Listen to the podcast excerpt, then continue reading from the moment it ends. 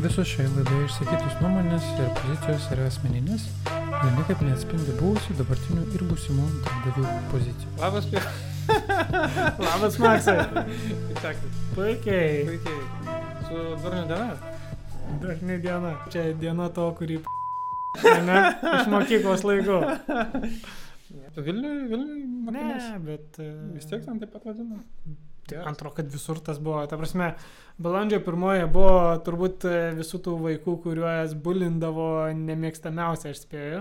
Tai į tą temą mes maždaug ir parinkom tą. E, šiandienos temą, kuri man šiek tiek yra įdomi, tai yra saugumas, kibernetinis saugumas.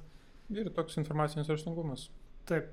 Um, ir ypač, kad dabar tas truputį suaktyvėjo tos kalbos, turint Mhm. omeny dabartinį kontekstą, tai yra Ukraina. Jau. Mm. Čia turim šiek tiek ir galbūt pasirinkom e, informacijos kažkiek, bent jau aš šiek tiek seku, labai aktyviai tikrai neseku, bet pas mane yra feed ir, nežinau, YouTube ir toks kanalas Itonix, kuris visai įdomių video pakuria ir, ir šiaip e, per kitur ir per editą ir e, karts nuo karto, taip sakant, užeina man banga pasižiūrėti, pasidomėti. A, Buvo pas mane vienu metu labai mėgau žiūrėti Defkono video Mhm. ir ten Štai tikrai yra e, gerų, kaip čia, entertaining, pramoginių iš esmės video, Jo. kurie buvo man ir tokių mind blown momentų, kur supranti, kad šiam pasaulyje nesi saugus. Tikrai taip. Tai Jeigu kažkoks žmogus nusprendė paeksplorinti kažkokį atakos vektorių, tai um, daug šansų, kad um, jisai tikrai atras kažkokią vietą, kuri yra bloga.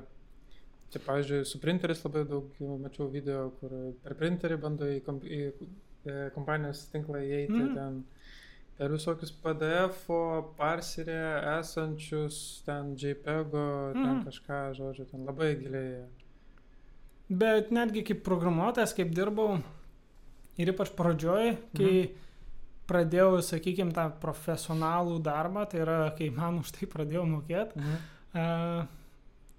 Man atėjo vienu metu toksai, nežinau, ne, ne, ne depresija, bet, sakykime, atėjo tas suvokimas ant, taip sakant, ant kokių snarglių visos sistemos yra pastatytos. Ir be abejo, aš dariau gerą kodą, bet visi aplinkui darė snarglius. Uh, Ir aš netgi neseniai buvau susidūręs su žmogumi, kuris beveik lygiai taip pat įvardino, kai pradėjo dabar čia programuoti Mhm. ir truputį įsivažiavo ir sako, kad suprato, kaip visos sistemos tragiškai yra padarytos ir kaip kokios jos, kaip čia, nestabilios ir kiek daug ten spragų yra. kurias galima išnaudoti. Taip. paskui. Tai dėja, bet e, gyvenam nesaugiam pasaulyje. Dirbai kada kokiai nors vietoje, čia aišku neįgarsinsim, kur e, slaptažodžiai buvo plain text.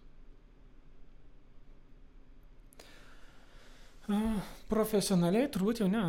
Ne, geras. Aš turbūt, tarkim, aš turbūt jau mokyklos laikais e, išmokau, kad e, to negalima daryti. Mhm. Tai visur, kur dirbau, kiek bekendą teko liesti, tai tikrai niekada taip jau nebedariau. Ir jau Mhm. MD5 irgi nebenaudojau. O, jau O, neblogai. jau buvo jau tas praėję. Mhm. A, Bet ir šiaip, man atrodo, plain tekstų tai tikrai ne.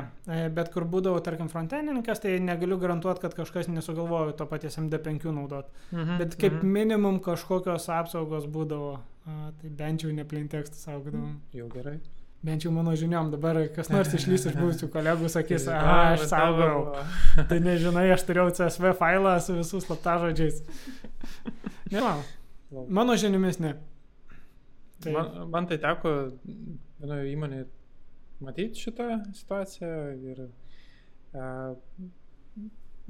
galiausiai vis tiek nebūdavo prioritetas šitą sutvarkyti ir veikia tai veikia.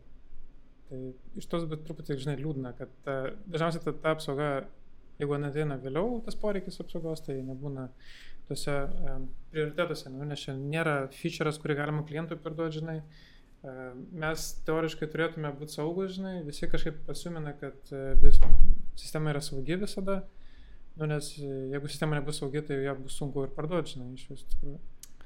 bet Aš tai čia jau dėčiau atsakomybę programuotojui. Mhm. Žinai, Niekada produktas nepaprašys, ar gali užkoduoti slaptažodžius. Mm. Niekada. Mhm.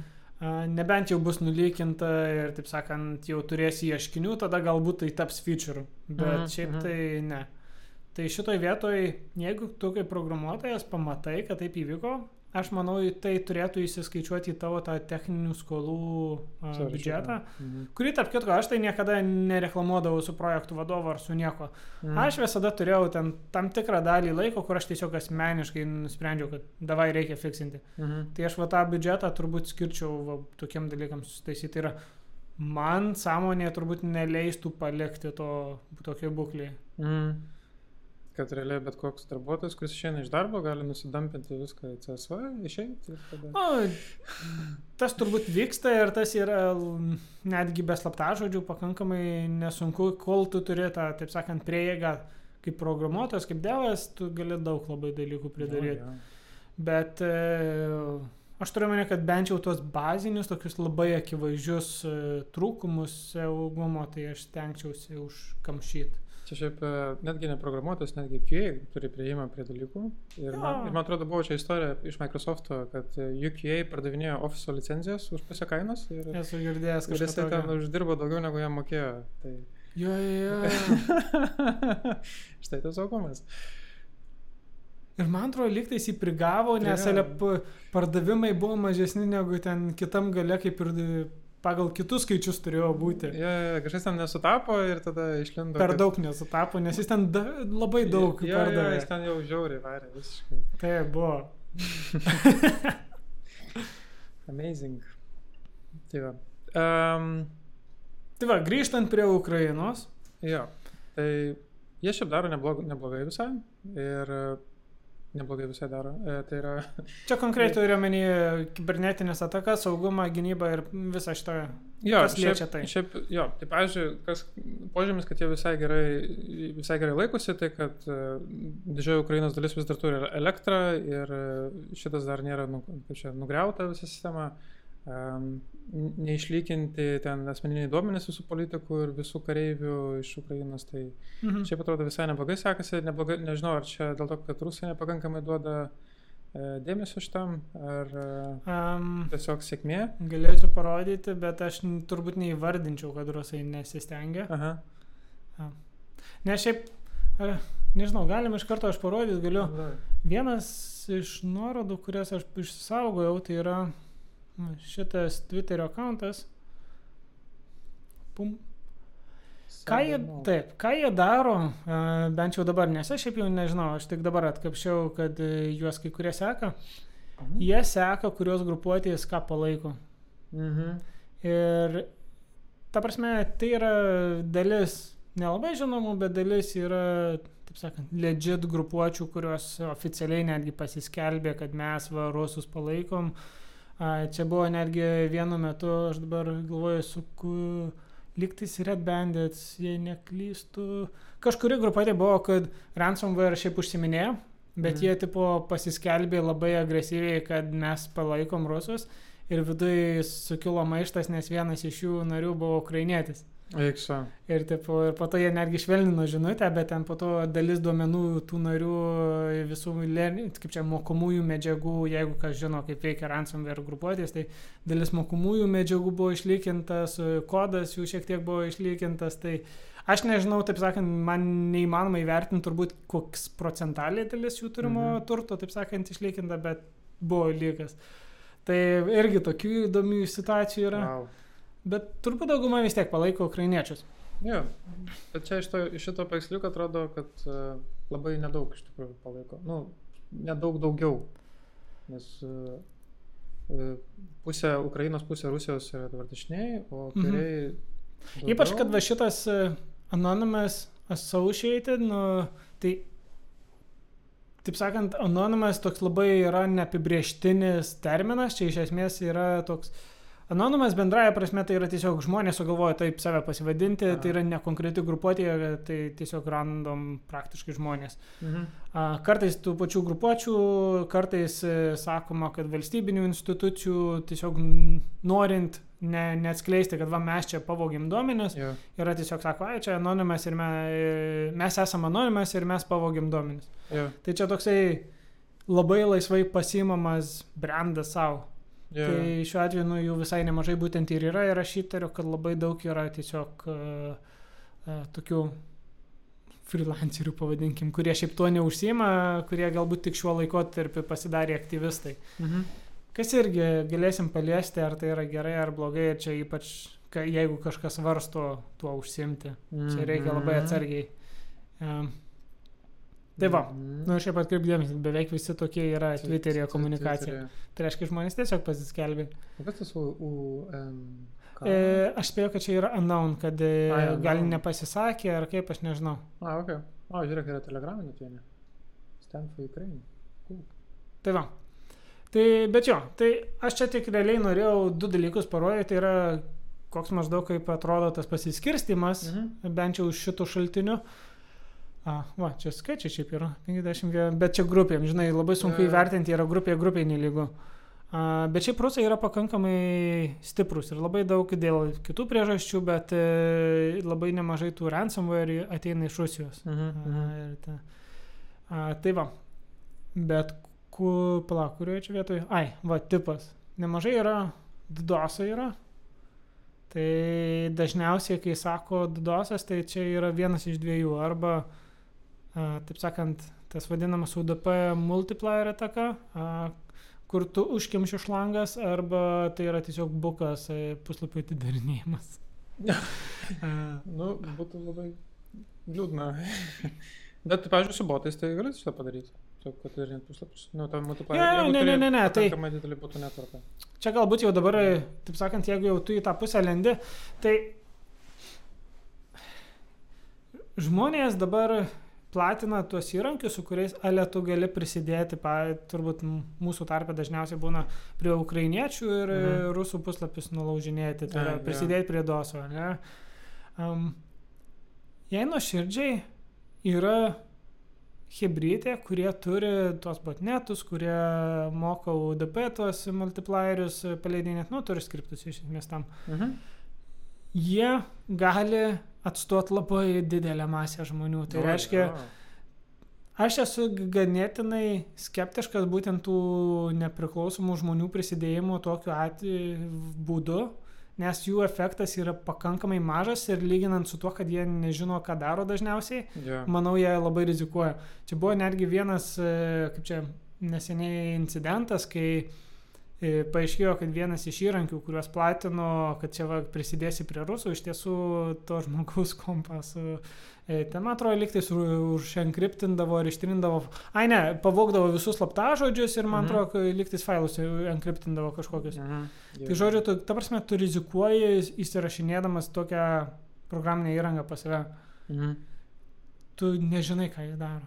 Ir ypač, kad netgi tas įrankis, kurį čia dalinosi nu, norais padėti, vieni kitiems tas geras įrankis iš jį buvo closed source, tai reiškia, tu net paprastai, net gebėdamas nelabai pasižiūrėsi, tai yra labai sunki užduotis patikrinti, ar toks įrankis yra legit. Mhm. Tai šitoj vietoje manau, kad labiau žmonės rizikuoja negu prisideda. Aišku, jeigu tau nereikia instaliuoti, pavyzdžiui, jeigu naršyklį tiesiog paleisti, tai mm, ne, nelabai rizikuoji. Mažesnė rizika. Aišku, iš tikrųjų ten rašo, kad jis atakuoja, žinai, rusų tinklapius, bet iš tikrųjų jisai bitkoiną manina tavo naršyklę ir viskas. Arba puola ukrainiečių puslapius, iš Arba kur tu žinai? Tai negali žinoti. Uh, nu, turbūt jeigu suvoki, gali pasitikrinti, bet vis tiek e, išlieka ta rizika, kad vienas dalykas, tai iš tiesų vis tiek yra nelegali veikla. Taip, ir, Jeigu tu esi Lietuvos teritorijoje, jeigu tu esi, aš nežinau, ar visose ES valstybėse, bet Europos turbūt daugumoje, man atrodo viso, ne? Jo. Nu tai va, bet kur Europoje tu iš karto tampi, kaip čia, užsiminė legalia veikla. Taip. Ir tu jau kaip minimum tą turėtum suprasti ir prisimti atsakomybę. Bet aš žinok, pijau gal taip grįžtai šiaip iš tikrųjų nesakyčiau, Nu. kad čia yra nelegali veikla. Pavyzdžiui, tas pats e, e, filmų siuntimas jis irgi yra nelegalu. Ir Na, man atrodo, didžioji dalis jaunimo šiaip, e, vat, nu, mūsų, Aha. mūsų amžiuje dabar jau aišku, tai tikrai yra siuntęsis kažkokių filmų, kurie šiaip, pavyzdžiui, Lietuvoje arba jau neberodo, ja, ja. arba vis dar nėra rodoma, arba kino teatrą, pabūti yra neįmanoma, nes tu gyveni tauragėje, jeigu tau iki Kauno yra valanda. Tai viena, vienas kitais atvejais vis tiek yra pasiuntę to pačių filmų ir, aišku, tai irgi yra nelegalu. Taip. Tai man atrodo, kol... Tu kol iš esmės sakai, kad e, maža rizika. Labai maža rizika. Kol, kol tu neini su, su, kaip čia, su kokiu kirviu rankoje ir nedaužai kab, kabelių, tol yra žiūri gerai. Jeigu ten naršykliai, nu, kaip tu ir sakei, e, kadangi esi skeptiškas, nes impaktas labai mažas mhm. yra, tai vėlgi tavo ten kompiuterio siunčiamas trafikas yra, nu, ten Taip. kiek naršykliai išveš. Ne, šitoje vietoje aš sutikčiau. Ta prasme, aš labai abejoju, ar, taip sakant, teisinių pasiekmių turės tie žmonės. Mhm. Mhm. Labai abejoju. Ja, ja. Nemanau, kad kam nors rūpės. Jo. Ir dalinai dėl to, kad jų padaryta įtaka bus tiesiog niekinė. Nu, ne, nebus niekinė. Ta prasme, Nu, bet- labai daug žmonių užsima, tai nėra, negalima sakyti, kad niekinis impaktas, bet lyginant su kitais veikėjais, kurie turi botnetus ir kurie arba moka kitais būdais, taip sakant, pulti, bus e, daug, daug mažesnis, kaip čia, graža tiem, kas iš tiesų ieškos atpirkimo vinėlių. Čia galiu pateikti šiaip iš tikrųjų dėl multiplierio, truputį pasižiūrėjau, Mhm. tai yra šiaip a, daug efektyvesnių, vat, kaip sakai, do- dos atakų, vat, būtent ne kaip ir botneto, per amplification, kas tai yra realiai, tai iš tavo vieno baito padaro daug daugiau baitų ir tada siunčia tą trafiką e, kitur. Kaip tai iš tikrųjų atrodo, jeigu tu paprastai, tai tu paskambini į McDonald's, sakai, aš noriu visko iš jūsų meniu ir siūskit šitą užsakymą ne tuo telefonu numeriu, kuriuo skambinau, o ten kitu. Ten, kur tu atakuoji. E, aš dabar ne, kažkur girdėtas šitas, Yeah. iš kažkur ištraukė, bet man atrodo jis eina, kad e, tipo, aš noriu visko iš meniu ir prašau atkartoti visą užsakymą, bet tipo, duoda numerį, tipo, paskambinkit man ir pasakykit. Yeah. ja, ja, kažkas tokio. Nu ir tipo, ir paskambina tavo aukai ir tada pradeda šnekėti visą meniu. Jo. vardyti. Ir kaip teisingai paminėjau, tai čia viskas veikia per UDP, nes e, UDP reikia tau nurodyti adresą, kur siūsti viską. Tai, Taip. Kur atsakyti reikia. Taip. Tai dėl to viskas čia labai gražiai veikia iš tikrųjų. Ir įdomiausia yra, e, yra du tokie, nu, trys yra pagrindiniai multiplieriai. Vienas yra ten kažkoks protokolas, kurio aš iki galo nesuprantu. O antras pagal multipliškumą tai yra memcached protokolas. Okay. Jisai, ne protokolas, o pats servisas iš tikrųjų. Jisai Mhm. sugeba labai baisiai e, multiplyinti visus responsus, žinai. Ir dar vienas yra e, Network Time Protocol. Mhm. O Network Time Protocol yra ta, ta, ta interneto dalis, kuri atsakinga už laiko sinchronizavimą tarp serverių. Ir tu gali šitą naudoti, kad atakuoti kitą e, serverį. Aš nežinau statistikos, bet dažniausiai, kai tenka girdėti ar straipsnius skaityti, tai būna naudoja OpenDNS'us. Mhm, dar jo, kad tas va, Jo. kaip tik ir DNS. Bet atrodo, DNS biškai multiplicationas yra žemesnis. Gali būti, aš nežinau tiksliai, kaip čia tai Mhm. išsiverčia. Tik tiek, kad OpenDNS'ų yra labai daug, e, tai galbūt jis labai prieinamas galbūt. Ne, nu jo, galbūt, kad kompensuoja tą e, multiplication ratio su tiesiog available e, Jo, tai- nodes internete. Tai Nes čia irgi yra pastebėjimas, kad um, e, šitas atakas Mhm. geriausiai, kaip čia blokuoti ar nuo jų apsaugot gali internet serviso provideriai, Mhm. tai reiškia interneto tiekėjai. Ir daug regionų yra, kur vis dar visiškai nėra apsaugų nuo to ir realiai iš tų regionų ir ateina visų dauguma tų atakų. Jo. E, Ne visur pasaulyje šiais laikais tą padarysi, bet vis dar daug kur gali ir tai labai dažnai pasitaikanti didoso, kaip čia, tipas. Jo. Praktika, jo. tipas, kategorija. Šiaip iš tiesų labai lengva jį padaryti ir labai efektyvus yra. Mhm. Tai Teko daryti kažką tokio? daryti, ne? Ne? Aišku, ne. Ne? A, nu, gerai, gerai, gerai. A. Ne, bet e, ta teorinė dalis, sakykime, kaip tą padaryti yra nesunku ir yra pilna įrankių, nes, Jo, nes tai yra nesunku ir pilna tų akademinių įrankių, kurie academic purposes. e, a, Šiaip įdomu, kad yra tokių labai populiarių hackinimo įrankių, kurie iš tiesų parašyta for academic purposes only. Ja, ja, ja. Yeah. Nu, bet visi, žinai, taip apsisaugo. Nu, čia kaip nors. Tai jo, ai, tu paminėjai, tipo, naršyklį ir panašiai. Ir aš atsimeniau, e, pažiūrėjau, yra aš kaip minėjau, Ledefkoną, ten Black Hatą aš mėgdavau žiūrėti dėl skirtingų Mhm. visokių video, kurie pusiau entertaining yra. Uh, tai vienas iš dalykų, kur, pavyzdžiui, mm, galbūt susijęs yra, pavyzdžiui, yra sena, sena istorija, kur žmogus pasakoja apie tai, kaip jis buvo liktis pasamdytas e, e, padaryti įrankį automatizuotą, dalyvauti automobilių aukcionuose ir pirkti mašinas. Tai, tai irgi, ką jis padarė, tai yra tiesiog e, in browser, tiesiog realiai botnetą pasistatė. Aišku, savo tikslais tai ten nereikėjo didelio, bet e, tarkim yra kitų strategijų, kaip galima botnetą daryti. Tai yra pavyzdžiui pakurti nemokamą e, šitą proxy HTTP irgi lygiai taip pat injectinį tiesiog JavaScript, kuris po to dirba. Mhm. A, lygiai taip pat su Toru žmonės tą daro, irgi injectina tipo JavaScript ir, tipo, ir tiesiog kuriasi botnetus tokiu būdu. Ir dar papildomų variantų, kaip, kaip pavyzdžiui, kodėl visi sako, pasikeiskite savo routerio standartinį slaptažodį. Mhm. Nes e, aš turiu, da, tikrai dabar nebandžiau, bet e, bent jau anksčiau būdavo galima iš naršyklės e, paspėlioti adresą ir tada pabandai admin admin kokį nors ir prisijungi. Nu, tipo standartinius gamintojų slaptažodžius e, pabandai ir tipo Mhm. prisijungi. Ir ką tai reiškia, tu gali tada jau įsirašyti ant kokį skriptuką į savo routerį ir viskas. Ir pas tave namie tinklė sėdi dabar jau botukas kažkoks. Tai iš tos naršyklės irgi visai nemažai galima padaryti. Mhm. Jo.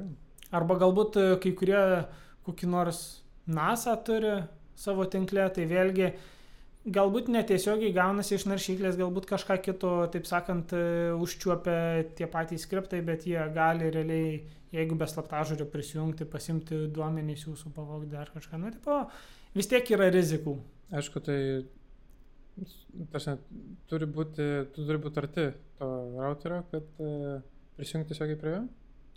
Ne, tai per tam pačiam Wi-Fi. Tu jeigu namie ant lovos sėdi ir pas tavai yra blogas skriptas, tai tu visus kompiuterius e, savo tinklę gali pasiekti. Jo, jo. jo. Yra tam tikros e, saugumo polisys, bet e, kartais būna apeina ir ypač jeigu yra kokiu nors prastų softvarų pas tave, Mhm. tai jie gali, taip sakant, tokiu būdu, taip sakant, į tavo tinklą įeiti.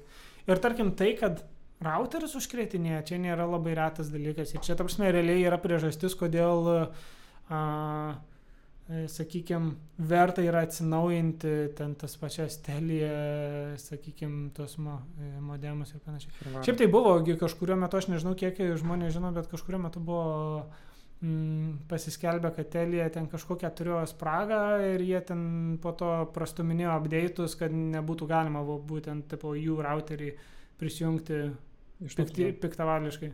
Iš nuotolio ar šiaip bet kaip? E, e, aš kai, dabar aš tiksliai neatsimenu, man atrodo, ten buvo liktais kažkas tai su SSH konfiguracija, kad tu Mhm. Jeigu iš vidinio tinklo prisijungi, po to jau gali viduje įsirašyti ką nors ir tai jau tada jau iš nuotolio gali. Mhm. E, Bet e, jo. Čia, pa- matau, atsimenu irgi ten iš kokio, ar pačio Defkono, tipo, e, ar šiaip iš kažkur mačiau, e, bičiukai e, važiuoja po mėgamus rajonus su antenu Wi-Fi ir laptopu ir, Mhm. mhm. ir skanuoja, kas, kas turi kokį routerį ir tiesiog e, bando įlysti, žinai. Tai iš tikrųjų, žinai, čia gal da- dabar nėra labai populiaru, aš tai bent jau negirdėjau dabar, kad čia labai aktyviai šitą daro, bet irgi potencialiai nesaugu. Jo, tai visokios tokios spragos atrodo gal nėra labai baisu, Mhm. bet įsivaizduokim taip, jeigu būtų kažkas, kas norėtų, taip sakant, mus, e, mum pakengti ir norėtų koordinuoti kiber, kibernetinę kokią ataką su fizinė ataka, Mhm.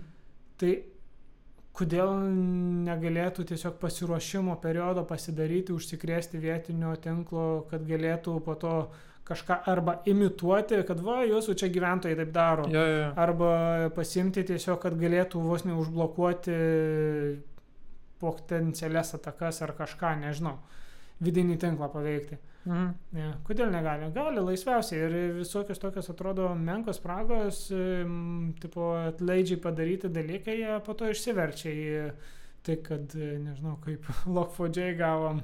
Jo, Ir, jis tas įdomus buvo. taip. Ir vis dar yra, nes pilna, Nu, dar, kur tikrai dar neatsinaujino. Tikrai dar ne.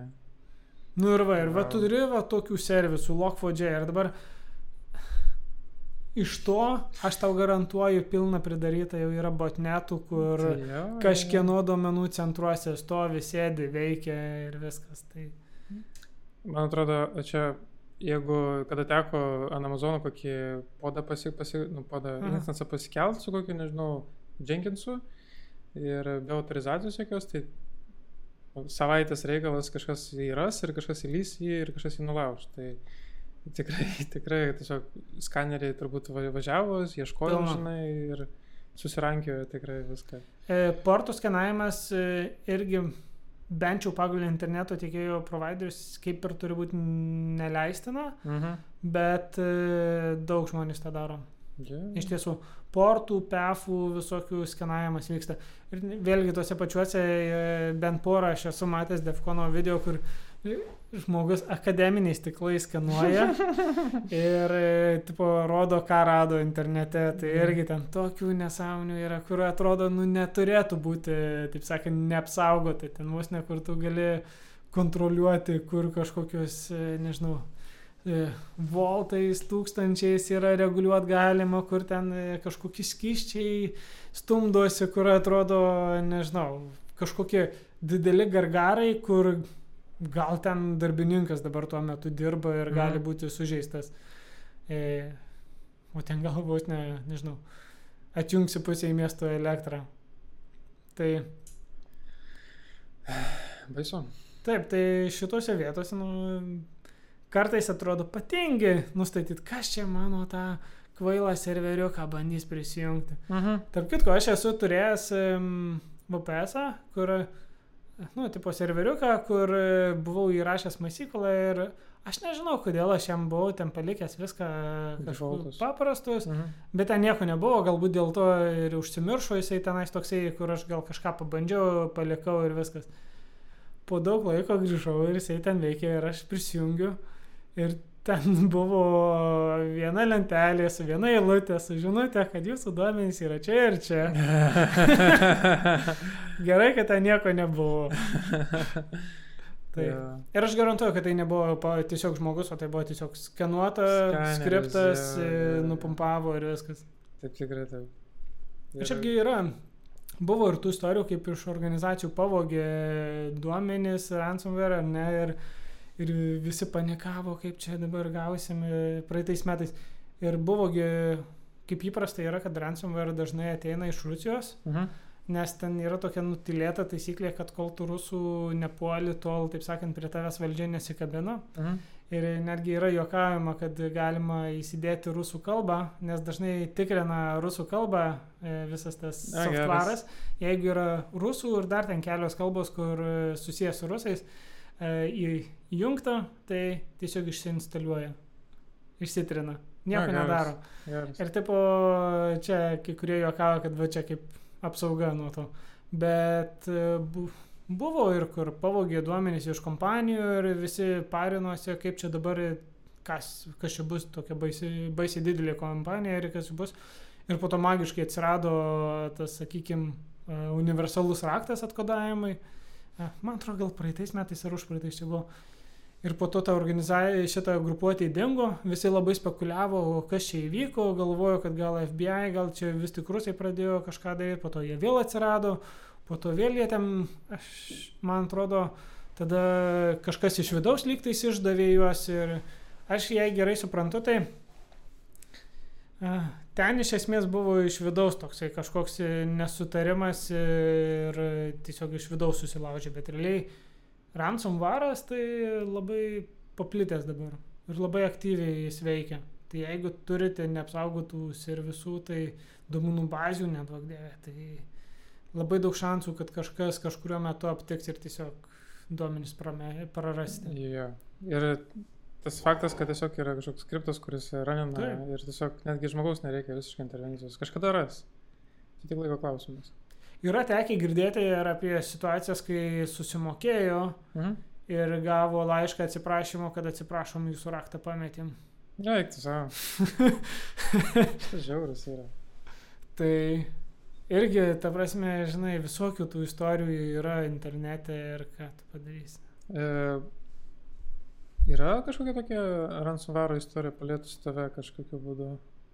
Realiai, nuo Jo. parvo to, kad radau lentelėje Jo, kažką jo, jo. įrašytą, tai ne, čia buvo mano vienintelis ir toks, a, nežinau, labai keistai jaučiausi, bet nieko nepraradau. e, čia praeitą vasarą e, Garmina buvo atakavęs ransomware'as. ir Kaž, pro, Aha. pro kažkur buvo linda. Ir visi Garmin nes negalėjo prisijungti prie jų serverio. Tai reiškia, e, m, man atrodo, mokėjimai net nevyko Mhm. mhm. per visą tą Garminą, žinai. Negalėjai susi, susikelti visos informacijos į jų serverius, žinai, nes visas per jų serverius keliauja. Taip. Jų supporto vidinis irgi neveikia. Žodžiu, ten visa kompanija buvo tiesiog sustabdyta visiškai veikla ir tris dienas jie kažką bandė kažką tvarkytis ir po trečios dienos tiesiog viskas pasikėlė. Tai man atrodo, kad e, irgi susimokėjo, pasidavė, pasidavė ir, Taip. ir tada viskas vėl grįžo. Ir va čia yra tas momentas, kad e, kai kurios organizacijos e, iš, turbūt galim pasakyti, bent iš pradžių bando susimokėti ir tyliai praleisti tai, Mhm. kad nereikėtų niekam sakyti, bet po to, kai paaiškėja, kad jie kažką slėpė, jiem labai karčiai grįžta visą Jo, tai. Blogiau bus. Jo. Bet e, jo, dalis organizacijų tiesiog susimoka, nu ką padarys. O tada Maskvoje važinėjo visokie Ferrari ir Taip, Porsche. taip, taip.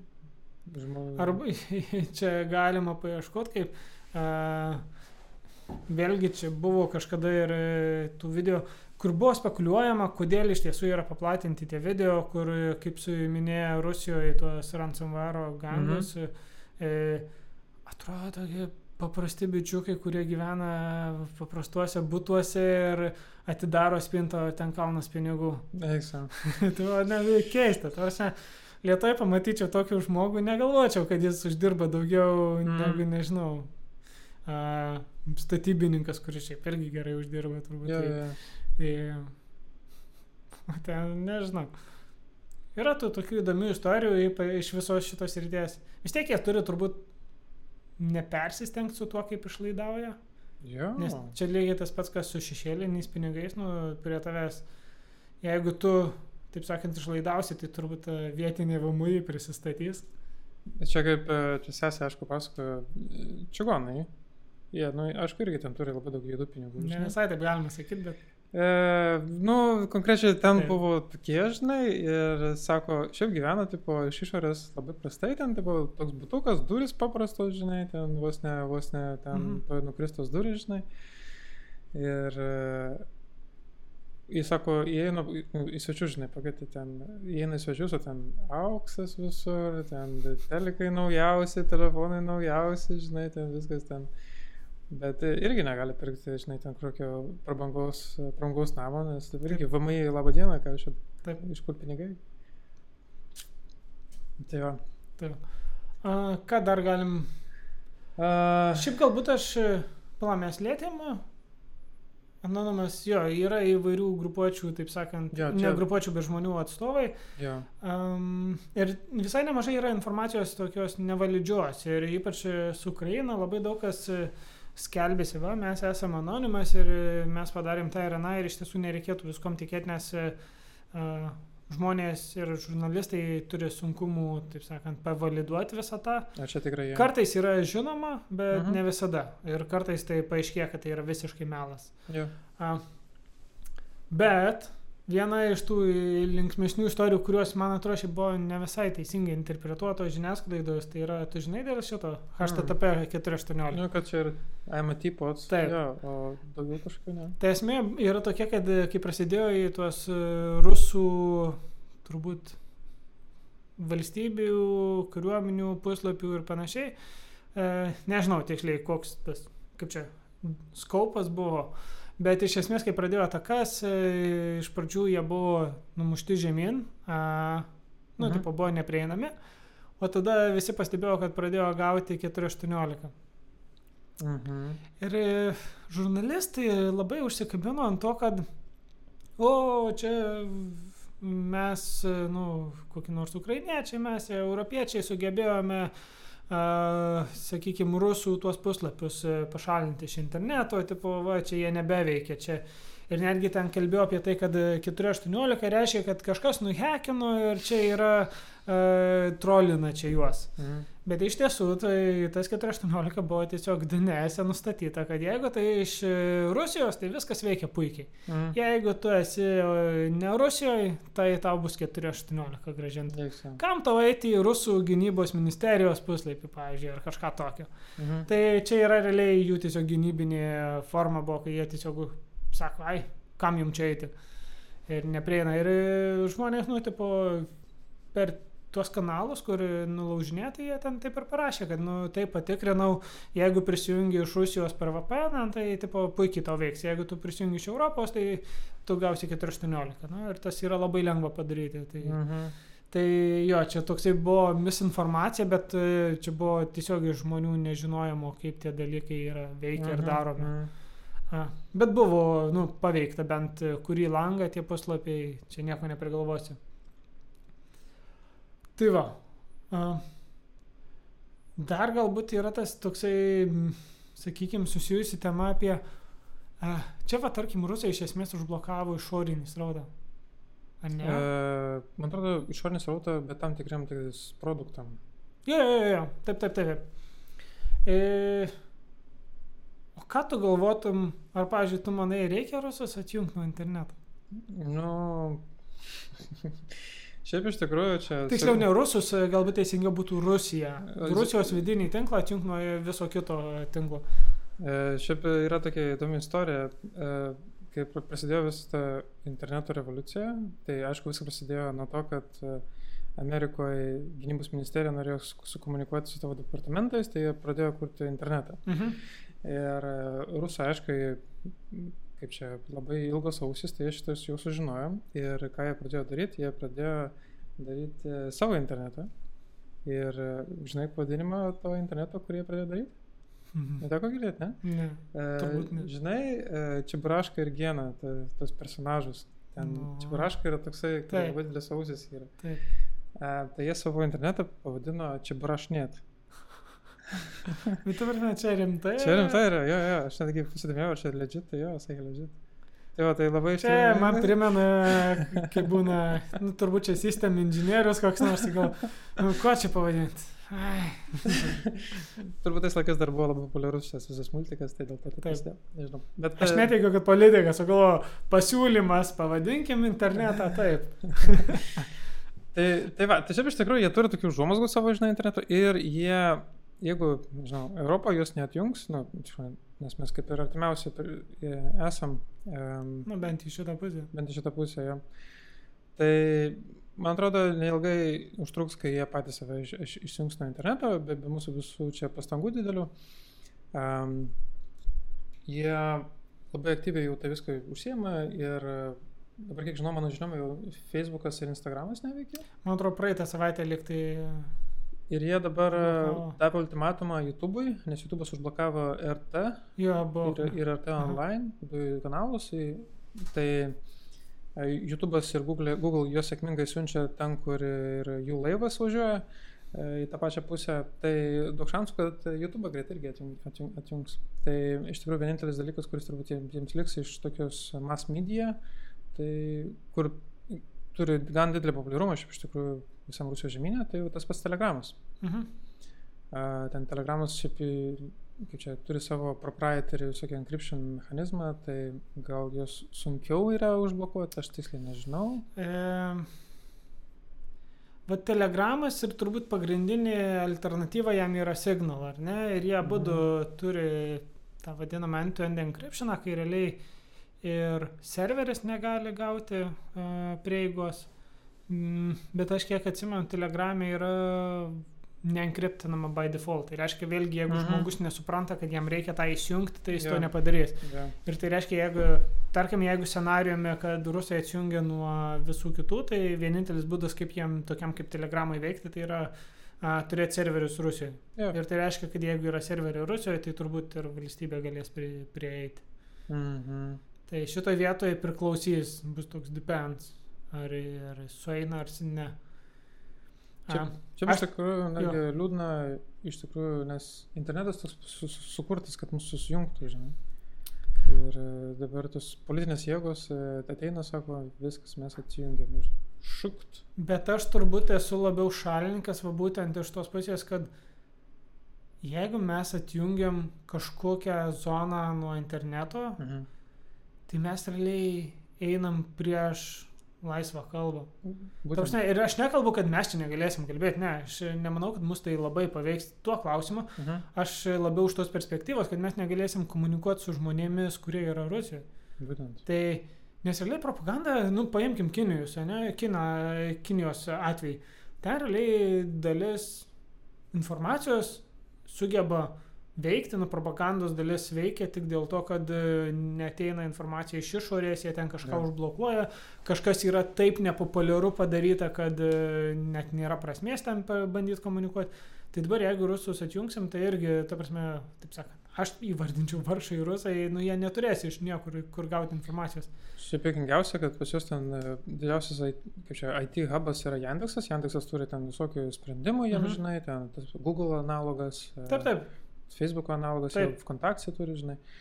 E, Bet e, ironija tame, kad e, Yandexas pasakė, kad jie yra prie, prie, prie bankroto ribos, bankroto ribos. Taip. Jo, tai Aha. e, dėl tų visų sankcijų, A, e, aha. kadangi jie turi užsienietišką kapitalą, tai jie negali mokėti. Ir sako, jeigu pa- paprašys mums pinigų gražinti, tai sako, neturi kaip mokėti, tai by default bankrutuos. Nu, bet žinai, jeigu prireiks valstybė jų, tai gali. Jo, jo, tas at- štemti. tikrai ten e, tų e, rublių prispausdins tų Mickey. Mouse pinigų kaip vienas iš e, e, Europos Centrinio banko finansų neoficialiai išsireiškė.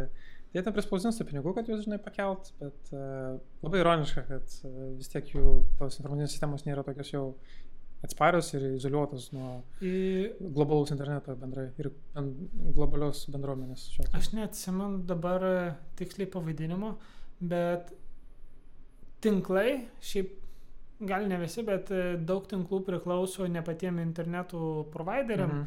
o yra iš esmės nuomoja tinklus. Jie. Mhm. Tai vienas gigantas e, rusam uždėjo baną. Ir man atrodo, buvo lyg kalbama apie tai, kad apie 25 procentai šitą tinklų pasaulyje yra būtent jų. Tai, tai nereiškia, kad rusus atjungia, tai reiškia, kad jiem internetas, grubiai tariant, sulėtėja, nes jie Per turėjo per aplink. kitur. Per aplinką. Taip, tai aš labai abejoju, ar visi atjungs, kažkaip aš nenorėčiau galvoti. Aš manau, kad jie vis tiek turės išėjimą, blogiausiu atveju bus apribotas rautas. Bet tas šiek tiek palengvintų vis tiek įgyvendinimą, tokį, taip sakant, didžiosios rusų ugnesienės įgyvendinimą. Kaip, kaip, kaip ir su Kinijos atveju. Šiaip iš tikrųjų, tai e, jeigu, pavyzdžiui, tavo kažkokia nepriešiška šalis daro invaziją į tavo šalį, tai turbūt jų pirmas turbūt dalykas būtų vat, būtent išjungti tą komunikaciją. E, nu, šiuo atveju internetu tiesiog. Nu, idealiu atveju, aš manau, kad būtų naudinga jiem. Ja. Kad bent jau kaip minimum keliom valandom atidėti visą informacijos sklaidą į išorę. Jo. Jeigu pilnai atjungsi, tai klausimas, ar ilgesniam laikui neatjungsi. jo, jo, remontas. Nors aišku, dabar pasidaro vis sudėtingiau, sakykime, kuo daugiau tų visokių satelitinių yra ryšių, kuo Būtent. daugiau yra mobilių tinklų, juos šiek tiek, juos irgi galima užblokuoti, bet juos truputį sunkiau, didesnis plotas, tiesiog fiziškai plotas didesnis. Ir žiūrint į Ukrainos tokį keisą šiuo atveju, Mhm. tai Elonas e, nu, Maskas Taip. tiesiog nusintė jiems Starlinkų palidovų, beliekiek. Taip, Ir dabar jie, kaip čia, visai, sakyčiau, sėkmingai iš funkcionuoja ta pati valstybė, tas Taip, pačias žiniasklaidos priemonės, būtent naudoja Starlinkus, nes vietinio interneto jo nebeturi jau. taip. Kabelius yra lengviausia nukirsti. Jo, o jau patį signalą džeminti, tai jau reikia tam tikros infrastruktūros. Labai daug ploto reikia. Jo, Ta prasme, ta, trikdžius daryti nėra sunku. Jo. Ir tarp kitko nėra legalu, radio tarnyba turbūt čia užsima tuo, Mhm. bet, bet tiesiog reikia ploto didelio. Jo. Turi visą sieną, sieną turi padaryti, tiesioginė prasme. Taip, ir labai daug energijos reikia. Taip. Šitam dar irgi. Tai Taip, reikia. taip, taip, taip. Ne, ne, ne, visur, ne visur gali suveikti šitas. Deja. Nors šiaip turbūt tada aš jau, čia aš nežinau, truputį iš fantastikos pusės, bet a, a, turbūt tada jau iš jų pusės svarstyti reikėtų apie gal bokštus tiesiog nugriauti Mhm. pasienyje. Mhm. Tai Tai, kad turbūt nebūtų. realistiškiau negu užblokuoti kiekvieną plyšiuką. Aš tai galvočiau, bet vis tiek, pavyzdžiui, tarp šalių gali ne tik būti bokštas, bet ir laidas kažkoks. Ar... Ne, bet sakau, laidus tai turbūt lengviausia yra nukirsti. Mm. Žodžiu, Nes vis tiek kažkur išlenda iš žemės. Kažkurioje vietoje. Tai, tai taip sakant, jo, Yes. Tai va, ką mes čia dar galim įdomaus, ką čia palėtėm. Uh, jo, tu paminėjai apie tos didosius, čia galbūt toks edukacinės paminėsiu, šiaip yra denial of service, kur tu gali įgyvendinti labai įvairiai. Tai yra, tu gali uh, tiesiog labai bukai vos ne nu, po, galbūt negražiai pasakysiu, bet jeigu tu, tarkim, e, turi penkis pardavėjus ir tuos penkis pardavėjus pašalinsi iš e, e, parduotuvių, tu iš esmės padarai dosą parduotuviai. Jie Taip. negali vykdyti pardavimų. tikrai taip. Tai tarkim, tam tikrais atvejais, tai kai kurie verslai gali nukentėti ir natūraliai, tai yra vos ne patys savo dosą padaryti, jeigu vienas žmogus atsakingas už kažką ir išeina atostogų, pavyzdžiui. Labai dažnas IT sferoje dalykas, kai vienas žino viską ir kiti pabiški, Jo. tas išeina atostogų dviem mėnesiam ir įmonė sustoja. Taip. Tai ką noriu pasakyti, dosas toks labai bendrinis pavadinimas, tai nereiškia, kad tai būtinai yra labai techninis mm. dalykas.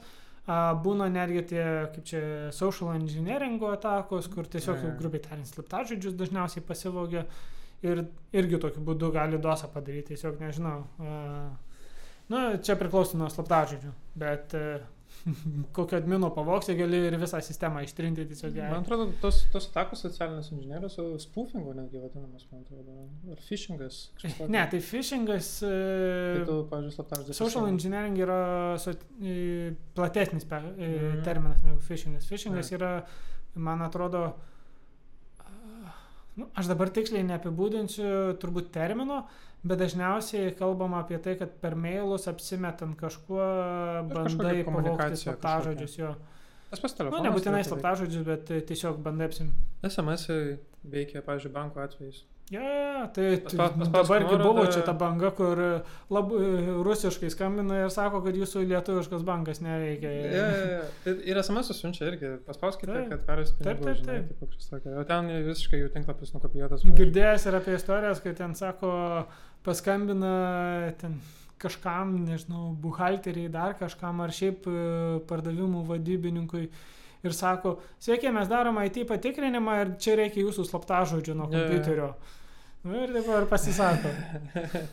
Bet man sakė, kad iš IT reikia. Man IT berniukas sakė slaptažodžių, niekam nesakyt. Ne, ne, ne, čia viskas gerai. Tai aš jam ir pasakiau, mano slaptažodis yra už monitoriaus užlipdytas. Pasižiūrėk. Jo, tai šitoje vietoje. Mm, jo, tai didosios tai yra tik tais tas prisideda vienas dalykas, tai yra distributed. Mhm. Ir va čia atsiranda tas, ypač kas liečia kibernetinį saugumą, tai dosą atremti yra saliginai lengva, nes dažniausiai ten būna keli IP, kuriuos užblokuoja ir viskas. Mhm. Jeigu dudosios, tai tu turi, grubiai tariant, geriausiu atveju keli šimtus IP, kuriuos vos atremti gali. Nu, tipo, rankom. Distributed. tai Jo, rankom, sakykime, užblokuoti jau nelabai. Feasible. Jo.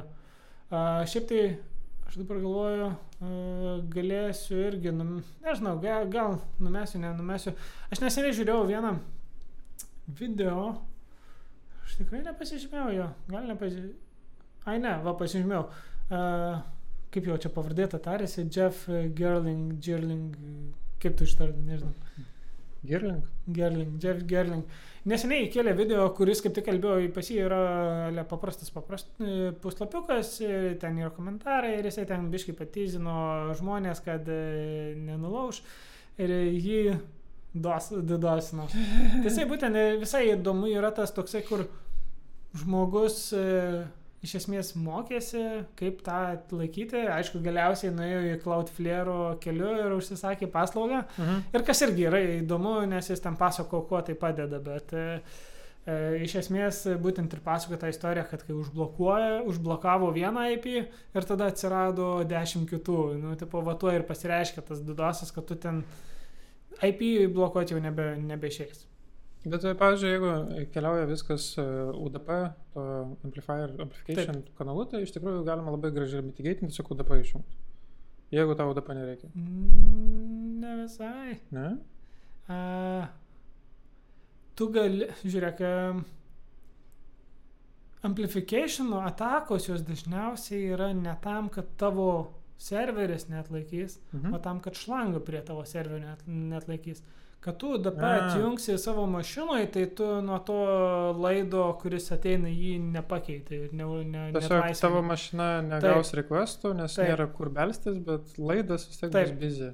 Ir dėl to čia ypač, kai aš nežinau iš tiesų, kada tai buvo atrasta, turbūt labai seniai, bet a, išpopuliarėjo, tai nežinau, aš turbūt atsimenu vieną, čia prieš kokią dešimt metų buvo labai didelė ataka, kur mes ir Lietuvoje jautėm, kaip internetas sulėtėjo, nes e, kažkaip tai buvo užkimšo dalį iš langų iš Europos į Ameriką. Amerika. Man atrodo, čia kur tas UK kažkoks bičiukas su lyg šešiais serveriais e, kažką iš Amerikos puolė.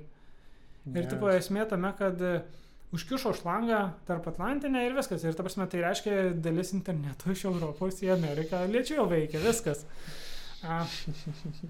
Ir ta prasme dažnai va šitos e, amplifikacijų, sakykime, atakos ir yra būtent tam, kad užkišti tam tikras, taip sakant, šlangas mm -hmm. į, į mhm. serverius.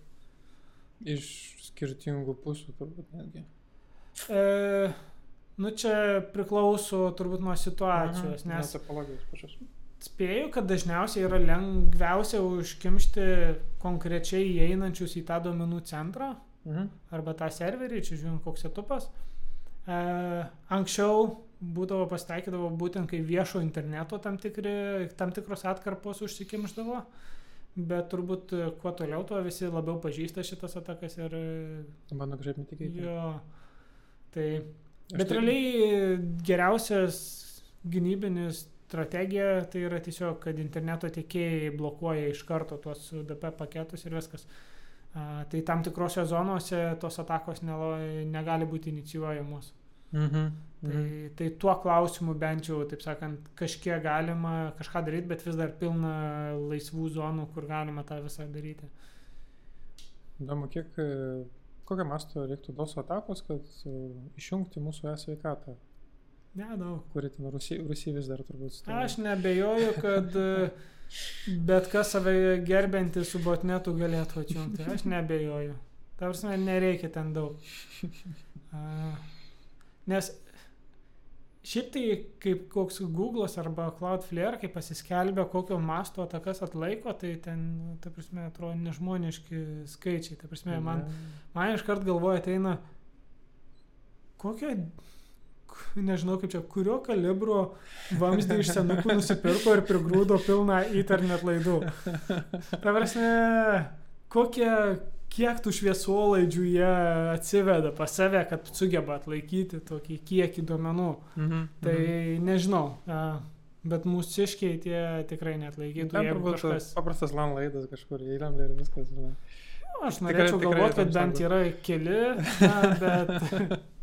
Nežinau, aš labai pesimistiškas, nes biudžetinė įstaiga ten, žinai, kuo pigiau pasiūlo, to, to geriau. Žinom. Tai va šitoje vietoje, va irgi va, mes yra kas čia juokiasi iš rusų, o čia nulaužė rusų puslapį. Jei kas kas norėtų, man atrodo, mūsų iškius ne ką sunkiau. Iš tikrųjų, tai e, bendrai mūsų valstybinių institucijų saugumas yra labai prastas būklės, nes vėlgi dėl to, to pačio viešųjų pirkimų, žinai, kas pasiūlo pigiau, Taip. tas, e, tas laimi. Ir dažniausiai būtent e, apsauga yra ta dalis, ant kurio jie Taip. tiesiog suka kornerį, kad čia šitą nereikia, nes šitas užtrunka ir yra brangu pakankamai, žinai.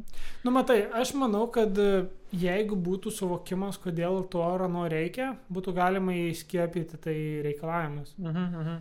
Bet turbūt tiesiog yra nežinojimas, kokia gali būti pasiekmė, arba galvoja, kad ne, čia taip niekada neįvyks. Ne, A.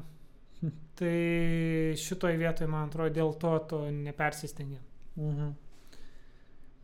Bet turbūt dažniau yra nesupratimas. E, Tarkim, paimkim tą patį HTTP ir HTTPS, ar ne? Visi Mhm. labai reklamuoja, kad jeigu naudoji HTTPS, tai, tai viskas bus labai saugu ir panašiai.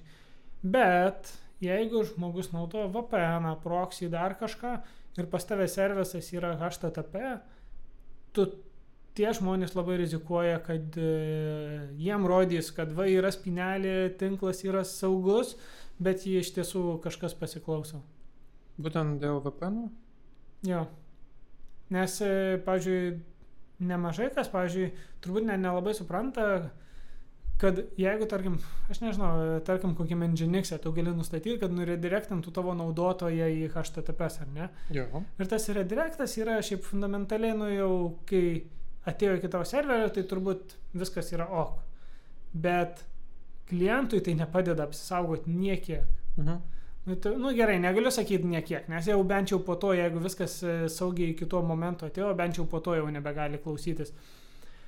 Bet iki to momento, Mhm. kol žmogus nueina į HTTPS, bet kas gali į vidų įlysti ir sakyti, o taip, aš esu šito uh, Super Shop LT serveris, va čia man, mano SSL raktas, e, prašau su manim komunikuok, o iš tiesų jis ten už, už, už nugaros su tikruoju serveriu kalbasi. Mhm. Čia tas man in the middle. Jo, jo, jo. Tai ta prasme, e, labai nesudėtinga ir su to pačiu toru, jeigu žmonės naudojasi, irgi labai, netgi labai nemaža rizika, kad e, tu pasigausi ant va tokių paprastų atvejų, sakykime, kai pirmas, pirma užklausa nuėjo į HTTP ir po to jau galvoji, kad tu komunikuoji su tikruoju serveriu, bet iš tiesų nuėjo į netikrą. Bet šitas jau kažkaip, jeigu, pažiūrėjau, naudojant naujausią naršyklę, man atrodo, naršyklės jau netgi nebeleidžia tau HTTP. Depends. Aš Mhm. kažkada irgi taip galvojau a, ir naujesnėse versijose juos stengiasi, sakykime, vienas dalykas juos atsimena, jeigu tu buvai prisijungęs kažkur su HTTP, su turėtų prisijungti, bet e, šiaip nežinau, dabar reikėtų pasitikrinti, koks defaultas, bet e, dar pakankamai neseniai defaultas buvo vis tiek, kad HTTP bandydavo pirmą. Ir tik po to atsimindavo. Man tai, nežinau, aš tai... Yra domenai, kurie beje, pavyzdžiui, .dev reikalauja. HTTPS. Taip. Tai. Ir jo. šitas e, Chrome, man atrodo, enforcinama, man atrodo, ne? Jo, jo, tai šiaip. Nežinau, e, turbūt Chromas pavyzdingiausias to klausimu, jie labiausiai turbūt visą tą prastuminė, bet e, nežinau, reikėtų pasidomėti kaip kitos populiarios ir yra nedidelė dalis, kurios yra nepopuliarios ir net, sakant, nedaug dėvė iš valstybinės institucijos dar su Internet Explorer pad- pabandysi prisijungti. Nors jis gal jau neveikia, nežinau. Exploreris? Aha, 11 kažkada buvo Miro pa- paleistas, bet bet nežinau, bet žodžiu, jie... Galima būtų pasidomėti, bet aš kiek, e, taip sakant, dar kur matau, tai dar labai daug darau HTTP užklausų. Ir, a, ir labai dažnai būna nuorodos, e, ypač kokios marketinginės, dar kokios įdedama HTTP ir Mhm. QR koduose HTTP. Ir Mhm. Žmonės nesupranta, nežino, tai va taip Jo, tiesiog prisidirba. Paspaudžia, žinai, ir Taip. važiuoja. Ir viskas veikia. Viskas veikia. Visiškai. Um, jo, tai reikia naudoti HTTPS. Consumer advice. Jeigu galėčiau, tai užblokuočiau visą HTTP.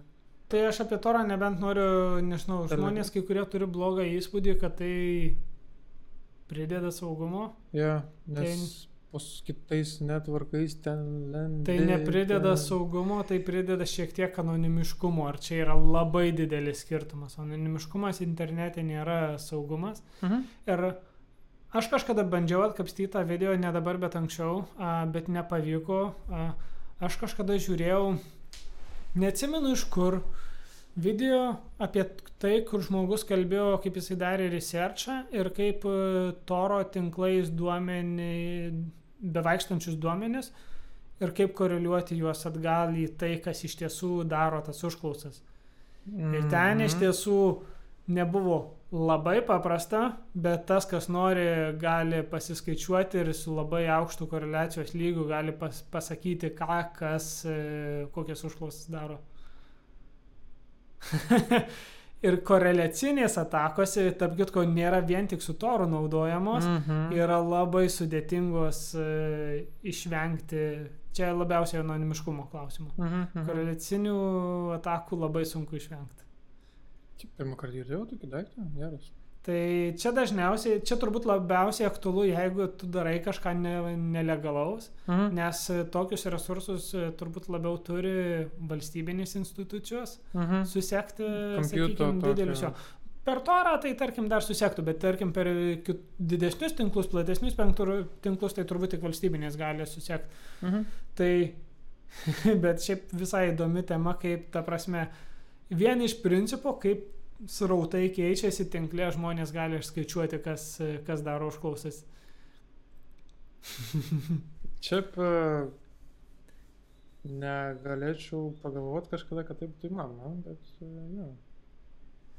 Nes e, tas į konkrečią duomenų kiekį žiūri, nežinai. e, Tai ten e, skirtingi faktoriai, bet e, pagrindė tai duomenų kiekis, nes e, tu kai užkoduoji duomenis, tu neturi aiškaus paveiksliuko, Jo. kaip ten ta, tartų. Mhm. Tarkim, toro atveju, kaip ten iš kurio į kurį naudą vaikšto, tu gali realiai koreliuoti tik tais duomenų kiekius, kur vaikšto ir galiausiai visą tai turi išsiskaičiuoja su labai aukšta tikimybė, kad va, šitas užklausas darė va tas naudotojas.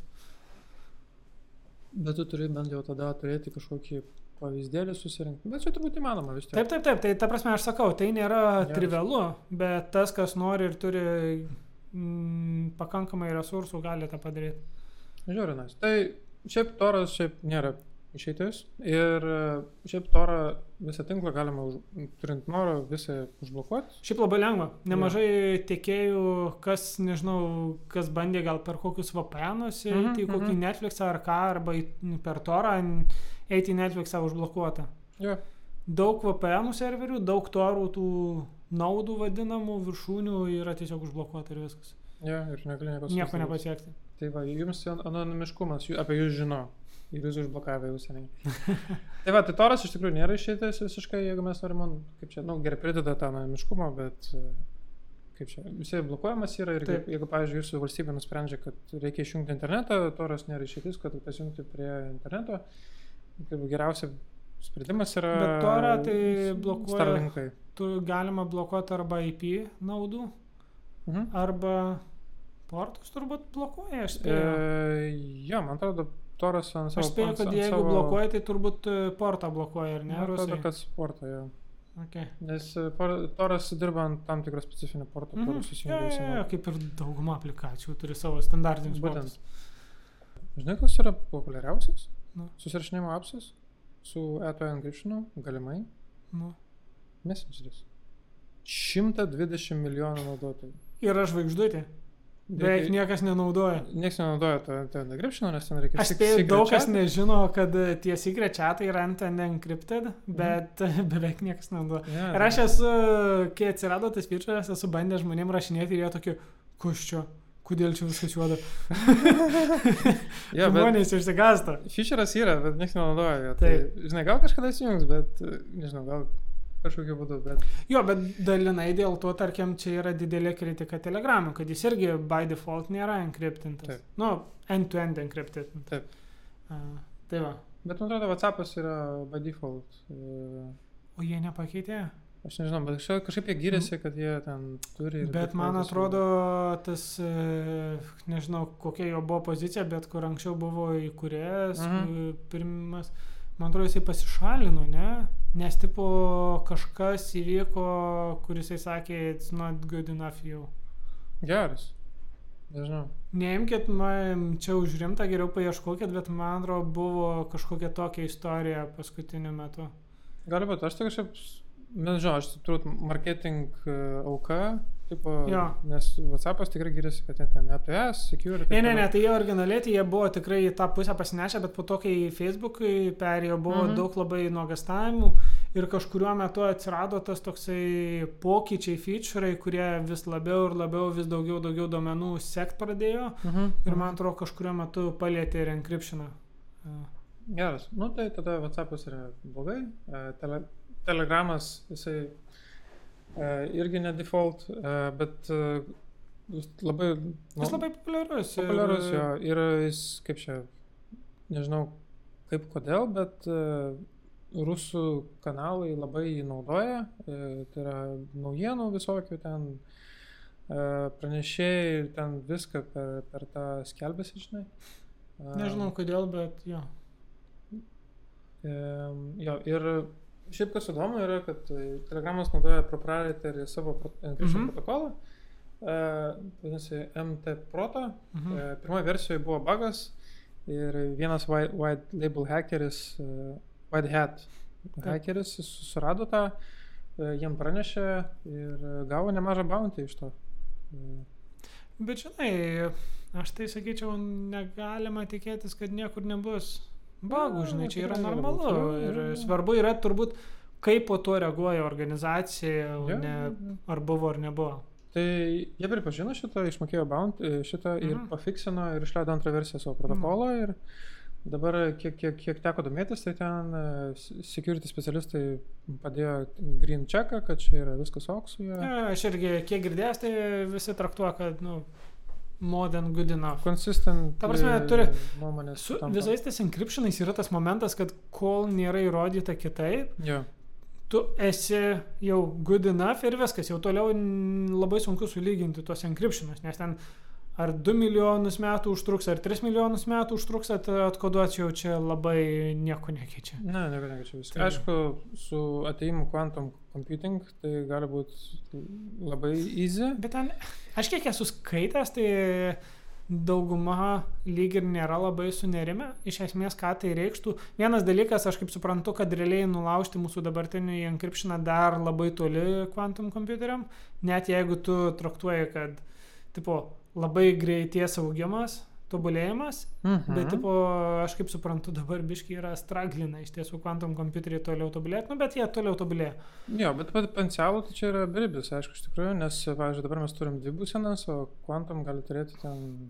Jo, bet aš kaip suprantu, yra vis tiek e, tam tikri algoritmai tiesiog, kurie ir kvantum kompiuteriai nebūtų labai lengvai įveikimi. Ir iš esmės e, problema yra tik su konkrečia klase encryptionų algoritmų, kuriuos e, mes dabar taikom. Tai yra, mums reikėtų realiai pro, proupdatinti pasaulį, naudoti kitą encryptioną. Padaryti rolling release. Ir Tai turint omenyje, kad e, visi čia nelaksto ir pakėlė rankų ir e, kad čia nedega dar visos kėdės aplinkui, aš traktuoju, kad a, protingi žmonės pasižiūrėjo ir sakė, kol kas dar nebūtina panikuoti. Mhm. Tai aš ramus turbūt dėl to dar esu. Good enough. Fair enough. Uh, jo, ir uh, su encryptionu, jo, bet yra ir tam tikrai, e, kaip čia, informacinio hygienos tiesiog tokie Mhm. klausimai, pavyzdžiui, Taip, Šiuo atveju, e, taip pačiu Ukrainoje labai, kaip čia buvo promoutinamas toks tokia žinutė, kad jeigu žinot ar matot ukrainiečių karius, tai ban- nebandykite viešinti šios informacijos. Kodėl? selfie, čing čing. Selfie kažką žinai, nes e, gali pagal nuotrauką atsekti, kur tu esi. Nes e, Taip. mačiau, e, rusai patys analizavo ten, kur, kur, kur, kokie ten, žinai, Taip. buvo žmonės. Tai jie labai sėkmingai tai daro. Ir plus dar yra geo, geolocation e, tagingas. Taip. Ir pagal tai gali atsekti, kuri bent jau O sritį. Aš galvoju, Facebookas vis dar palieka geolokacijų taginimo informaciją nuotraukas. Ne, galiu pasakyti. Nes seniai- Anksčiau seniai buvo kėliau- toks e, šumas šiek tiek, kad iš Facebooko nuotraukas atsisintus galėdavai susižymėti, kur žmogus buvo. Nes, ek, eksif, Nes būdavo pakonvertuojamos nuotraukos, kažką padaroma, bet metaduomenys būdavo tiesiog prakopijuojami. Nice. Tai būdavo išlikdavo ta visa informacija, tai žodžiu. A, bet dabar nežinau. Tai... Bet jo, yra šitas em, duomenų taginimas. A, Aš matau, tu turi tą dėl šėrinimo lokacijos, ne, kad Google Maps, ten tas pats Messengeris gali sekti, kur tu esi, daug kas gali sekti. Taip.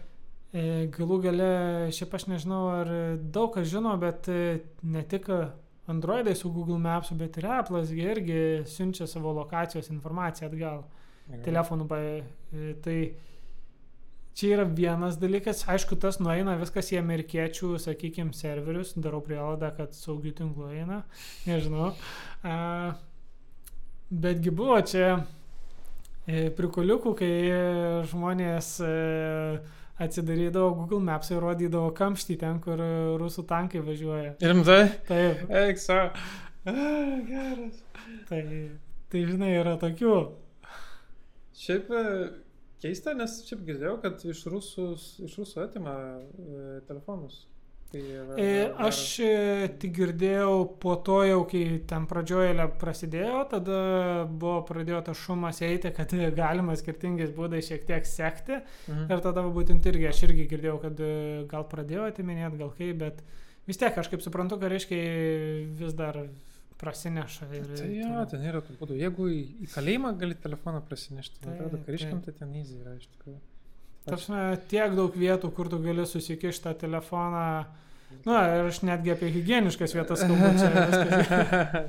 Ne, apie Nekalbu apie tai, bet e, jo, čia yra sena istorija, e, Mhm. nu sena, nežinau kiek metų, bet žodžiu, e, buvo pagal šitus geolokacijos duomenis kažkas išpaaišęs amerikiečių bazės layoutą Jo, ir gerai. fu- iš esmės tas suėjo į tai, kad žmonės lakstė su telefonu ir e, tiesiog mankštinosi. Aplink bazę telefonu bėgiojo, klausėsi muzikos ir tokiu būdu geolokacijos duomenimis layoutą sudarė. Wow. Tai irgi, ta prasme, yra tų tokių būdų, kaip iš to... Tų, ir ta prasme, ir tada žmonės sako, tai koks skirtumas, ar čia mane seka, neseka, ta prasme, tu post factum suprasi, kad buvo svarbi informacija. Ir čia turbūt yra didžiausia problema, kai, sakykime, su tuo, ypač, nu, turbūt pavadinai higieną, a, kad tu realiai tik, kai nutiks problema, suprasi, kad tai buvo svarbu. A, kol Jo. visiems gerai, viskas yra gerai, čia lygiai tas pats, kas su šiaip, nežinau, su civilinėm sutartim. Ta prasme, kol niekas nesipyksta, tai nesvarbu, kokios ten tos sutartys, bet kai susipyksta, tada jau, jau, jau pasidaro svarbu. Mhm. Mhm. Tai lygiai tas pats ir čia, kur svarbu yra visus slaptažodžius ten susižiūrėti, sakykime, kad nebūtų defaultai, kad protokolai būtų tvarkingi, vien tik dėl to, kad kai jau kažkas tikrai sugalvos, kad čia reikia nulaužti sveikatos ministerijos puslapį, nerekomenduojam, kad jiems ir padarys tą. Čia iki tol apsaugų niekas negalvos. Jo, būtent. A, dar galiu pasidalinti tokią įdomią istoriją, kad a, tas, tas iš tos pačios Ukrainos, tai tenais vienas iš jų generolų naudojo nesaugią liniją, Mhm. tiesiog ne, ne tą telefoną panaudojo. Ir ukrainiečiai pagavo, kad jisai kalbasi ir galėjo nustatyti jo lokaciją ir jį, tiesiog pašalino. Vien tik dėl to, kad jis telefoną naudojasi. Nu. Baisu. Um, aš jau kur tau pasakau pirmąjį apie iš Netflixo filmo, ne istoriją, uh, kur, kur, kur ale, uh, į patį pastatą įbetonavo mikrofonas. Mhm.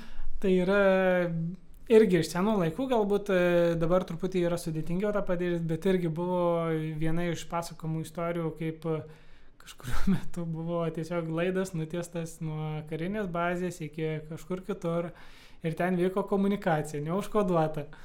Ir visi galvojo, kad, nu, tai čia vandenino dugne viskas saugu.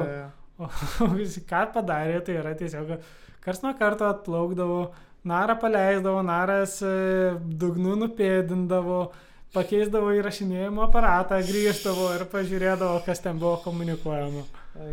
Ir bent jau kaip sako, kad realiai ta informacija buvo naudojama nu, kovoj. Tai aš čia vieną irgi tele- telekomunikacininko komentarą skaičiau, tipo, buvo klausimas, kas yra saugus tas telefonas, žinai.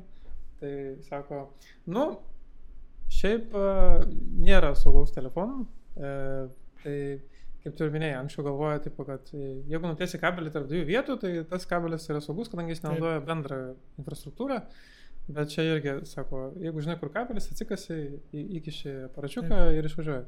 Tada dar naudojo e, vakuminės tokias e, šlangas. Tai Jeigu slėgis nukrenta, reiškia, jis klausosi, žinai, tai kažkaip taip bandė, žinai. Tai tada dėl, dėl, dėl šito buvo irgi po vandeniu, kad yra techniškai saugu, bet nelabai. A, Dabar vienintelis e, dalykas, kurį jisai minėjo, kad gali būti beveik saugu, nu, maksimum, ką gali pasiekti iš tikrųjų, tai encryptionas, end-to-end encryptionas tarp telefonų skambučių. Čia yra iš tikrųjų vienas dalykas, bet jisai turi irgi spragą. Jeigu tu turi pakankamai pinigų, tu gali apsimesti stotelę. Nu. Nes uh, encryptionas vyksta, sto, stotelė diktuoja encryptioną. Nu, čia kaip ir su prisijungi prie Nu. HTTP serverio ir jis ten sako, aš palakau tą, tą, tą. Žinai, Nu. tipo. Tai tada tu atvarai su, su tokia fūra, pastatai anteną ir tada ta visi telefonės skambučiai eina per tave ir tu valdai visą encryptioną. Ir kadangi tu visą encryptioną, tai tu gali tiesiog... e, Ai, tu apie tą. Apie šitą aš netgi girdėjau istorijų, kad... Taigi, man atrodo, dar neseniai, kai važiavo į olimpinės žaidynės ir panašiai, Mhm. buvo rekomenduojama imti ne savo telefonus, o imti tuos vadinamus burner phones. Burnerius, jo. Priežastis yra tokia, kad ne kartą istorijoje yra buvę aplink oro uostą apstato stotis, Mhm. Kur iš esmės atvykęs e, keleivis e, įsijungia telefoną ir jo telefonas bando tiesiog prisijungti prie stipriausios, artimiausios, jo. grubiai tariant. Ir jie prisijungia prie užkrėst, nu, ne užkrėstos, bet tos piktybinės stoties. Mhm. Ir po to viskas, jau jų visa komunikacija suseka, yra tos valstybinės institucijos būna superka tas spragas, kur gali užkrėsti telefonus irgi. Ir nemažai operatorių iš tiesų turi teisę į įrenginius įrašinėti, programinę įrangą, tai netgi e, kai kuriuose vietose tau gali tiesiog įrašyti programinę įrangą į telefoną ir viskas, ir tu nežinosi. Šiaip iš tikrųjų netgi ne į patį telefoną. Aš šiaip atradau, Mm. šiaip tokį Nu. visai įdomų dalyką, kad SIM kortelė yra kompiuteris. Jo, jo, jo, taip, Ir e, SIM kortelė tiesiog gali Taip. bendrauti su GSM modemu, aplenkiant operacinę sistemą telefoną. Taip. Ir jinai gali raninti apsus. taip. Amazing. Tai, tai va, tai, tai dėl to realiai rekomenduojami tie visi burner phone, kai keliauja ypač į, nežinau, kur potencialiai gali būti daug svarbių asmenų. Jo, jo. Nes ten beveik garantuotai, aš kaip suprantu, beveik garantuotai bus, e, Bus, piktybinių jo, jo. tų stočių, nes ten pinigai tokie dideli, kad... A, Tikrai taip. Šiaip e, dar fun fact. e, Tai anksčiau telefonai galvojo, kad bus tiesiog baterija Mhm. ir, ir, ir, ekranas, žinai, ten visiškai jokių smart, nieko ne. mhm. O visa logika SIM kortelė. Kodėl? Nu, nes, pavyzdžiui, tavo telefonas sulūžo, tiesiog išėmė kortelę ir yeah. kitą ir tavo kontaktai lieka, SMS visi, ten applicationai visi, viskas lieka tam pačiam, kortelę iš tikrųjų. Na, bet žinai, buvo kažkada galvojama, kad visi laptopai, telefonai realiai bus tik tokie konsolės nutolus jo, kažkokiam jo. dalykui. Bet turbūt tada atsitrenkėm į fiziką ir... Ir viskas baigėsi. a, Tai va. Tai Ai, dar šis susijęs dalykas, aš galvoju, mes dabar, aš neminėjau ten to NSO grupą, ne čia? Ne, dar ne. E, tai Čia- ten irgi yra įdomus ir susijęs dalykas, kad yra izraeliečių, pavyzdžiui, kompanija, yra ir daugiau, bet čia yra tiesiog paskutiniu metu pagarsėjusi, kuri Mhm, mhm. Būtent ir užsiema telefonų laužimu ir jie vienas iš dalykų, ką paskutiniu metu reklamuodavosi, tai yra, kad jie geba į telefoną įdėkti e, savo įrangą, naudotojų nežinant visiškai. Mhm. Ir jie buvo vienu metu labai pagarsėję, nes jų įranga buvo naudojama žurnalistam, dabar neatsimenu, kurio diktatoriaus tipo žudyti. Jo, jo, sekti. A, jo.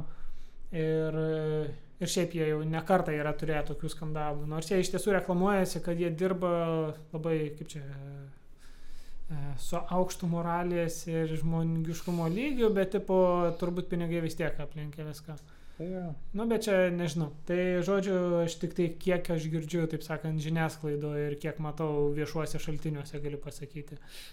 Nu, bet žodžiu, jie iš esmės jie neseniai ir su Apple turėjo ten tų ne, kon- ne bet konfliktų teisinių, a, kur Apple'as iš esmės e, pasakė, mes norim visų pinigų, kuriuos uždirbote iš mūsų bagų. Mhm. Tai irgi čia, man atrodo, vis dar gal bilinėjasi, nežinau. Gali būti jo. Bet man atrodo, didžiausias pasiekimas tas zero click exploit. Jo, jo, ta, Nes Nes čia yra visiškai gold mine. čia next uh, Taip. league, čia wow. Nes jie būtent prieš tai, kaip suprantu, reklamuodavosi, kad nusiųsdavo ten, man atrodo, kad gal per iMessage, Mhm. ale, kad jo. jie gali nusintę žinutę perimti telefono kontrolę. Ir dabar jie sako, kad tiesiog galim bet kuriam numeriui Jo. padaryti. Ką tik noriu, nusinčiam. Taip. Nu tai Šiaip įdomus straipsnelis. Aš pasitengsiu rasti tą straipsnelį dėl to Zero Click exploito. Tikrai skaičiau, tikrai buvo žiauriai fun. Um, kaip jie išnaudojo tą e-messenger esančią JPEG Mhm. spragą ir Taip. pasikūrė visą procesorių JPEG. Kosmosas. E, dauguma hekų, taip vadinamų, tikrai to nedaro. Ir tokie, ką vadina Zero Day spragos, jos pakankamai brangiai kainuoja iš tiesų. Mhm. Tai yra, kai atranda, tai jau užsidirba iš to nemažai. Ir dėl Mhm. to didelė motivacija yra parduoti arba valstybiniai kokiai institucijai, arba va, tokį komercinį produktą paleisti. Mhm, mhm. Tai šiaip tai man atrodo, jų lygtais programinė įranga lygtais Pegasas vadina. Jei gerai atsimenu. Žodžiu. Um, Šiaip įdomiausia DOS ataka, kurią mačiau, nu, kas iš tikrųjų IT sferoje būtų DOS ataka, bet šiaip e, gyvenime, žinai, nepavadinsi to DOS ataka. Ką Lenkai padarė? Nu, Jie uh, pasėmė fūras, kurių, kurių, nu, su tais kroviniais, kur ten nereikia, žinai, ir jie tiesiog fiziškai užkimšo uh, muitinės centrą tarp uh, Lenkijos ir Baltarusijos kad, e, kad kroviniai negalėtų važiuoti į Baltarusiją. Jie tiesiog sustatė fūras ir užkimšo pasienį. Ten kreizį skaičiai tų fūrų buvo ir prekės nekeliauja dabar į Baltarusiją. Kosmosas. Šiaip tai dabar priminėjai tos krovinius, e, tu žinai, kad e, buvo sustoję Baltarusių traukiniai. Nes Baltarusijai e, partizanai sprogdina iš tos bėgius. Ne?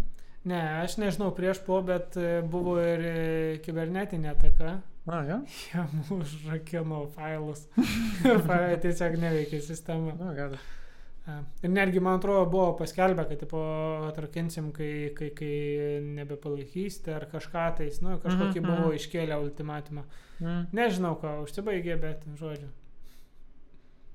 Aš šiaip dabar nemačiau, kad naudotųsi geležinkeliu Baltarusijai, kad savo pajėgas e, judint, bet jau mačiau, kad tik tokia yra video, kai Baltarusija važiuoja prie Ukrainos sienos jau ant ratų mašinom, žinai, ne, nebebėgiais.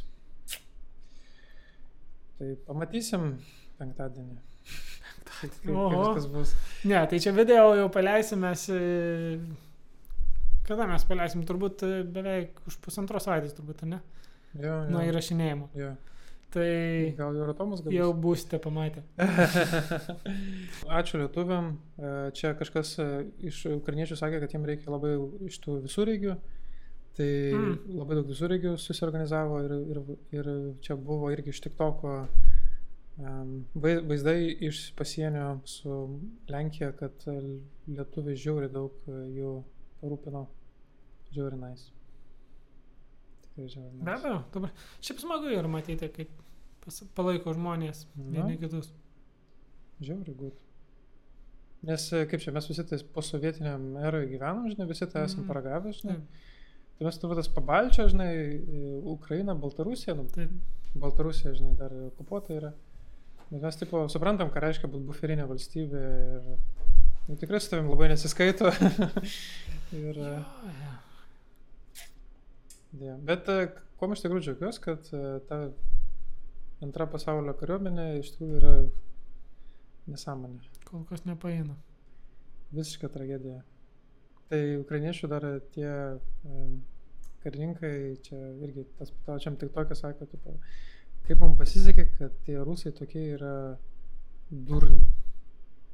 Bet aš šitoje vietoje, nu, aš nuoširdžiai stebėjausi, a, kaip, a, kaip tu sakai, antra didžiausia pasaulyje kariuomenė.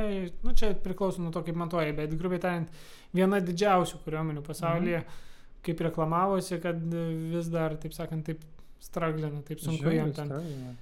Bet turbūt reikia viską priimti su žiupsneliu druskos ir ten ir ten. Nu, Nes realiai ir ta ir ta pusė kovoja informacinį karą ir turbūt realybėje yra kažkur tarp tų dviejų skirtingų ekstremumų. Aišku, labiausiai turbūt reiktų pasitikėti tre- trečiom šalim. Kad, pavyzdžiui, ne pati Ukraina sako, ne, ne pati Rusija sako, o, vat, ką, pavyzdžiui, daro Anglai daug daro su e, šitais. E, Bet aš visada, nežinau, aš turbūt esu labai skeptiškas tuo klausimu ir man atrodo, kad visų valstybių, taip sakant, e, kaip čia, žvalgybos mhm. institucijos, bet ko vertingojo, nebent labai pasipelnytų, neskleidžia išorę. Na, Ir- tas tai. Tai taip sakant, aš nebejoju, kad visos žvalgybos, jau netgi mūsų, žino daug daugiau negu kad mes čia per žiniasklaidą. A, ja, ja. Ir žino daug tikslesnę informaciją, negu mes čia per žiniasklaidą gauname. Ir e, Bet mes daug ką gaunam iš tik to. daug iš tik to. Jo, ir va čia yra vienas dalykas, kodėl visai gerai yra turėti interneto prieigą visose pusėse. Ir duoti vaikam telefonus. Taip, Nes jie filmuoja viską Bet ir jie tada siunčia viską. filmuoja ukrainiečių karu, karius. Ne, nu čia vat jau reikia. Čia va jau va šitą vietą pasidaro labai sunku, tai yra sudėtinga. Ir gero, ir blogo atneša. Jo, jo. Nu tai čia, žinai, reikia biškai paedukuoti, kad ten negalima kažko filmuoti, visą kitą. Tai, va. Važiuojam. tai ką, Tai va, tai baigiam šią sunkę temą. šitą nesaugią temą. e,